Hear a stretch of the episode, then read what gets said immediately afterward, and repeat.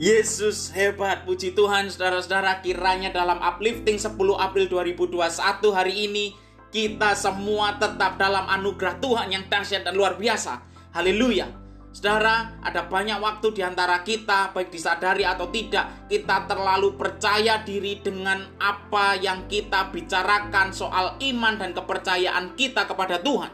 Kita sering mengatakan, "Lihat, saya loh sudah melayani, saya memberi, saya berbakti, saya sudah berusaha hidup benar, saya mempercayai Tuhan dalam sepanjang hidup saya."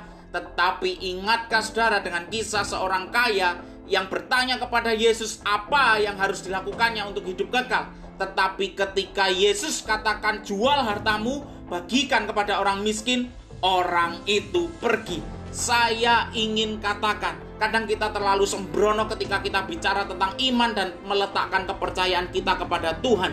Kita sesumbar, saya melakukan ini untuk Tuhan. Tetapi sebenarnya kita dalam posisi yang gagal memahami keinginan Tuhan Hosea 6 ayat 6 mengatakan sebab Tuhan menyukai kasih setia dan bukan korban sembelihan.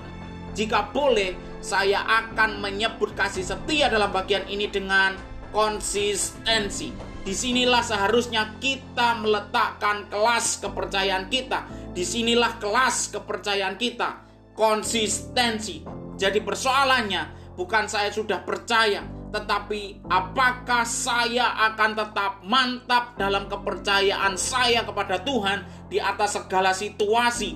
Apakah saya akan tetap mantap dalam mengandalkan Tuhan di atas semua peristiwa yang terjadi dalam hidup saya?